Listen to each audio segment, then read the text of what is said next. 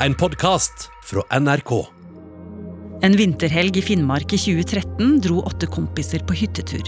De skulle kjøre scooter, drikke øl og kose seg. Men brått snudde den gode stemninga. Ute på et islagt vann skjedde det en alvorlig hendelse. Og en i kompisgjengen endte opp så hardt skadd at han ble pleietrengende for resten av livet. Politiet hadde flere teorier om hva som skjedde, men klarte aldri å bevise det.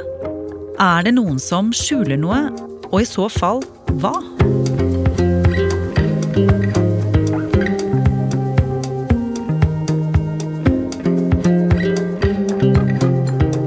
Du hører på Oppdatert. Jeg heter Ragna Nordenborg. Denne saken har jo vart i mange, mange år. Eh, spesielt siden det jo ble strid om forsikringsoppgjøret etter ulykken. Fordi det er nemlig vanskelig å finne ut av spørsmål om erstatning når man ikke vet hvem som gjorde hva. Gyda Hesla er journalist i NRK Finnmark og bor i Alta. Og det er en litt vanskelig sak også. Og det merka jo jeg også selv da jeg skulle skrive om denne saken til nrk.no. Det at um, det var jo absolutt ikke alle som var like gira på å snakke om ulykken, heller til meg. Nei. Men Gyda, la oss starte med begynnelsen. En lørdag ettermiddag i januar 2013 så sto det en mann med hundene sine oppe på vidda ved Jotka fjellstue, en times kjøring fra Alta, og han fikk plutselig en urovekkende beskjed. Ja, han var hundekjører og heter Arnt Holger Jensen. Og jeg snakka med han eh, litt tidligere i vår. Og akkurat idet jeg starta sleden, så kommer det en scooter kjørende inn fra vannet bort til den andre hytta, og det er en fyr som springer av, og han roper. De har kjørt på en mann, de har kjørt på en mann. Eh, kjører bare noen meter, så kommer det en til scooter mot meg fra ulykkesstedet. Det stopper en fyr. Eh, han er helt klart berusa. Han snøvler, eh, han er vassen i blikket, og eh, han sier det har skjedd en ulykke. Jeg mener en alvorlig ulykke, og så kjører han inn mot fjellstua igjen. Og Arnt her, han frykta jo da at det kunne være kompisen hans som var påkjørt. Han visste at han eh, hadde vært ute på vannet på ski, og at han var mørkt kledd. Så det han gjorde videre da, han Arnt, det var å kjøre ned på Jotkavannet med hundespannet sitt. Og da han kom fram til ulykkesstedet, så ser han fort at det er faktisk kompisen hans som er skadd. Og det han fortalte videre, var at han så at kompisen hans han satt delvis på fanget til en mann, og at han ikke var ordentlig bevisst. Han, Arnt la også merke til at foten til kompisen hans var vridd helt rundt, og at det strømmet blod ned i snøen. Og det Arnt gjorde da, var å løpe bort da, for å hjelpe. Men så skjedde det noe rart, for da sa denne mannen som hadde skiløperen på fanget, du må heller hjelpe han andre. Han er mer skadd. For det er da Arnt får øye på en annen skadd person litt lenger bort i snøen.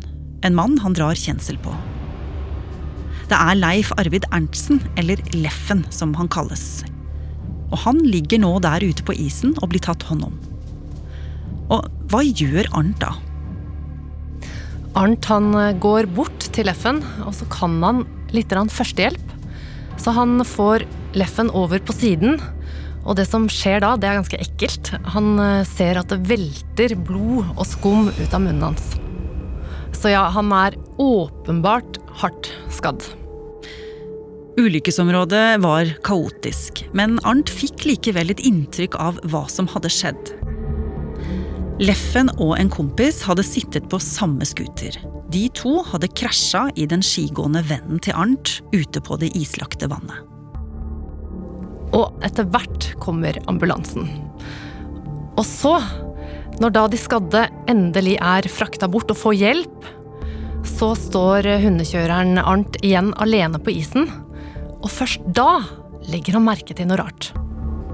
Da gikk jeg liksom rundt og kjekk litt på ulykkesplassen. Da ble jeg var at det var veldig mye sånne plastbiter fra et panser som lå spredd over et ganske stort område. Eh, Det var, så vidt jeg kan huske, mørke, grå eller svarte plastbiter. Ja, så Arnt syns jo at det her er rett og slett merkelig. Og så tenker han på at ingen av de snøskuterne han hadde sett på ulykkesstedet, var så ødelagte som disse plastbitene skulle tilsi. Så han begynte å undre seg kunne det ha vært en scooter til involvert i ulykken. Hm. Og hva gjorde han med den uh, urovekkende mistanken? Han uh, sier at han uh, kikka ned på mobilen sin og så at han hadde veldig lite strøm igjen. Og i frykt for å gå tom, så tok han ikke noen bilder av disse plastbitene. Både skigåeren og Leffen ble sendt til sykehus. Skigåeren hadde store skader i beinet, men situasjonen var enda mer alvorlig for Leffen. Han ble frakta i all hast til sykehuset i Tromsø og måtte kobles til respirator. Og han svevde mellom liv og død. Politiet begynte raskt å etterforske den alvorlige ulykken. Og det ble fort tydelig at det var alkohol involvert, og de tok promilleprøver av Leffen og kompisen på scooteren. Mens Leffen hadde en promille på 0,6, hadde kompisen hele to i promille. Og han sa til politiet at han ikke huska noe av ulykken, men at han var helt sikker på at han måtte ha sittet på siden han var så full, og at Leffen måtte ha kjørt. Politiet fikk også vite at de to var en del av et større turfølge, en kompisgjeng på åtte som var på hyttetur på vidda den helga. Og politiet bestemte seg for å dra opp til denne hytta for å finne ut mer om hva som hadde skjedd. Ja. Det som møtte politiet da de kom frem, det var ifølge politiet selv en stum forsamling. Politiet de sier til Altaposten her hadde vi to personer som var hardt skadd i en ulykke. Og så har vi voksne folk som bare blir sittende og vri på seg når vi stiller spørsmål, mens kompisen deres sendes til sykehus med alvorlige skader. Men etter hvert sa de fleste av kompisene at de bare hadde vært inne på hytta. Én sa han hadde vært i et helt annet hyttefelt da ulykken skjedde. Heller ikke den skadde skigåeren kunne gi politiet noen gode svar på hva som hadde skjedd. Han hadde blitt påkjørt bakfra og hadde ikke sett noen ting. Og Gyda, Leffen kunne jo heller ikke fortelle, for han lå jo respirator på sykehuset. Og ca. to uker etter ulykken skulle det bli klart hvor alvorlig det sto til med Leffen. Når Leffen våkner, så blir det klart at han har fått alvorlige hjerneskader. Han sliter med å snakke, og det går opp for kona hans Lisbeth at han kommer til å være pleietrengende 24 timer i døgnet. Lisbeth Galavara skjønte at fra nå av ville livet bli helt forandra, og at de kom til å trenge masse hjelp. Og etter hvert så begynte hun å tenke på hvordan hun skulle få gitt ham et verdig liv, han som var så hardt skadd, og hun mente Leffen og familien måtte få erstatning. Men for å få det, så måtte det jo være på det rene hva som egentlig hadde skjedd, og hvem som kjørte scooteren. Og hun stussa jo også på at Leffen hadde blitt så hardt skadd i møte med skigåeren. Ja, Lisbeth begynner jo da etter hvert å lure på hvorfor ikke bestevennene til Leffen kan si noe som kan belyse saken mer. Altså Hun hadde håpet at noen i den vennegjengen kunne si noe som ville gitt henne flere svar. For familiene de har over lang tid vært kjempegode venner. De har vært forlovere for hverandre, faddere for hverandres barn. Men nå, pga. ulykken, så begynner forholdene å bli mer anstrengte. Og politiet tok inn flere vitner for å forsøke å finne ut hva som egentlig hadde skjedd. Og en av dem var Arnt, hundekjøreren, som hadde sett disse plastbitene i snøen. Og politiet lurte på om det kunne ha vært flere innblanda i ulykken. Men de fant ikke noen mulig ødelagt scooter nummer to noe sted, og de fikk heller ikke noe mer ut av kompisene til Leffen. Og etter bare et par måneder så henla politiet saken. Og verken Lisbeth eller politiet eller noen andre fikk altså svar. Men så dukka det jo plutselig opp en mann med ny info, Gyda. Ja. En tipser ringte politiet og sa at han hadde vært innom en hytte der noen viste snøscootervideoer på storskjerm. Og plutselig så kom det opp en urovekkende scene på skjermen, ifølge denne tipseren. Videoen var filma med GoPro-kamera festa på hjelmen til en som kjørte scooter, og ifølge tipseren så viste filmen følgende. En scooter med en passasjer er ute og kjører. Plutselig så kjører de på en skiløper. Og den skiløperen flakser opp i lufta, sneier borti skulderen til passasjeren, som etter det blir kasta av, rett og slett, i dette sammenstøtet. Og videoen viser videre at passasjeren som landa i snøen, han er i ferd med å sette seg opp, men han kommer ikke så langt, fordi snøscooterføreren som har kamera på hjelmen, rekker rett og slett ikke å stoppe, og kjører i stedet rett over ham. Hm. Så ifølge denne tipseren så var det altså en kompis til som var involvert. En som rett og slett måtte ha stukket fra ulykkesstedet umiddelbart etterpå. Ja, og ikke nok med det. Altså, tipseren fortalte til politiet at han kjente igjen Leffen. Han var helt sikker på at det var Leffen som var passasjeren som ble kasta av, for så å bli påkjørt av en annen scooter. Og hvordan reagerte kompisene på disse nye opplysningene da politiet spurte dem? Vennegjengen de holder rett og slett fast ved at det kun var én snøscooter som var involvert i ulykken. Hm. Men Gyda, det er jo en annen ting som er veldig interessant med denne tipseren. Ja, jeg snakka med tipseren eh, som fortalte om denne videoen som viste to snøscootere. Og han fortalte det at han ble rett og slett trua etter at han gikk til politiet. Han, han sa til meg det at han har fått beskjed om å ikke fortelle usannheter. Enda bedre, han er blitt bedt om å holde kjeft. Hm. Og eh, hva i alle dager var det for noe? Altså, Hvorfor ble han trua, og hvem, hvem truet ham? Det vet vi ikke, og det har ikke blitt eh, presentert noe bevis for at det skjedde heller. Men eh, advokaten til Leffen, han sier det at han syns hele denne saken bærer preg av en taushetskultur. Han fortalte meg det at han har hørt rykter om at det er en slags forståelse eller kultur for at det som skjer på vidda, det blir på vidda.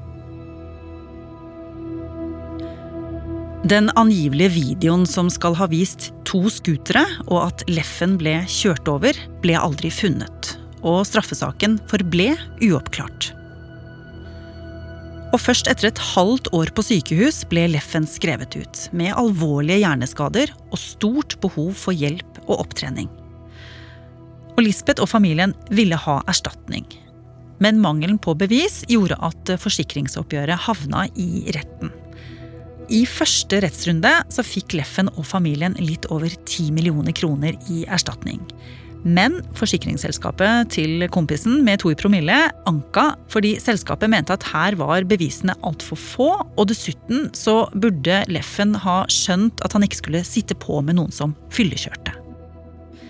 Men i forbindelse med hele dette forsikringsoppgjøret så ble det gjort en del nye undersøkelser rundt selve ulykken.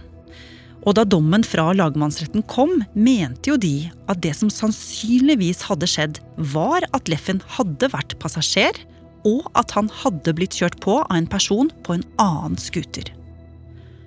Og dette er jo ganske oppsiktsvekkende. Hvordan var det retten beskrev dette?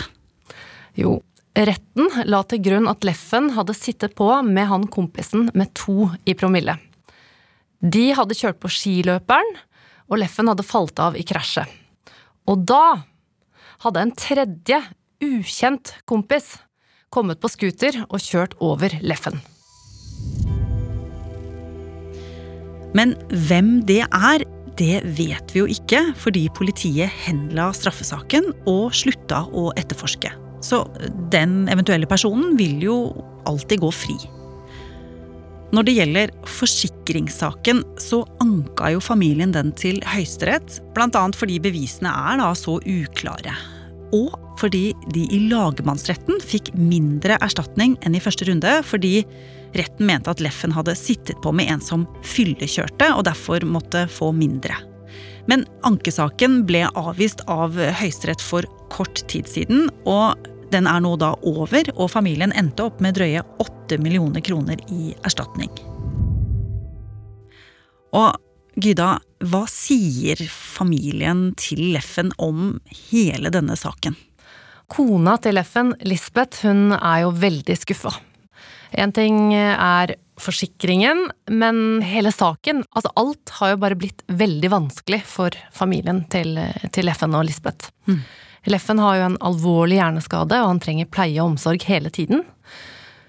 Så Lisbeth hun er rett og slett bitter og lei seg for at de tidligere vennene ikke har kunnet si noe som har kunnet hjelpe til å oppklare saken. Jeg har eh, forsona meg med at jeg tror aldri jeg blir å få vite hva som har skjedd. Nei. Men jeg tror jo alle vet. Det tror jeg. Ja, det sier Lisbeth, men selv mener jo vennene at de er urettferdig behandlet av politiet og mediene. Og, og også det at de er feilaktig stempla som løgnere. Altså, vi har snakket med flere av kompisene i turfølget. Og, og de vil ikke la seg intervjue av NRK nå i dag.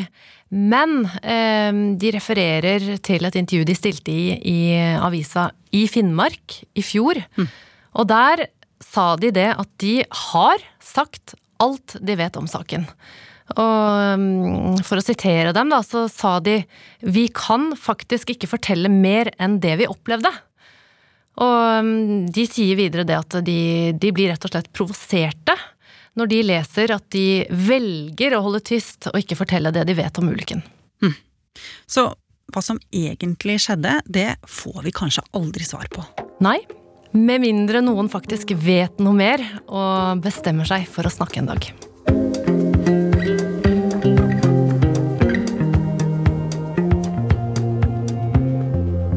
Har du lyst til å bli fast lytter av oss i Oppdatert og få påminnelse om nye episoder, er det bare å følge oss i NRK radioappen. Og så er det veldig hyggelig hvis du vil anbefale oss til en venn.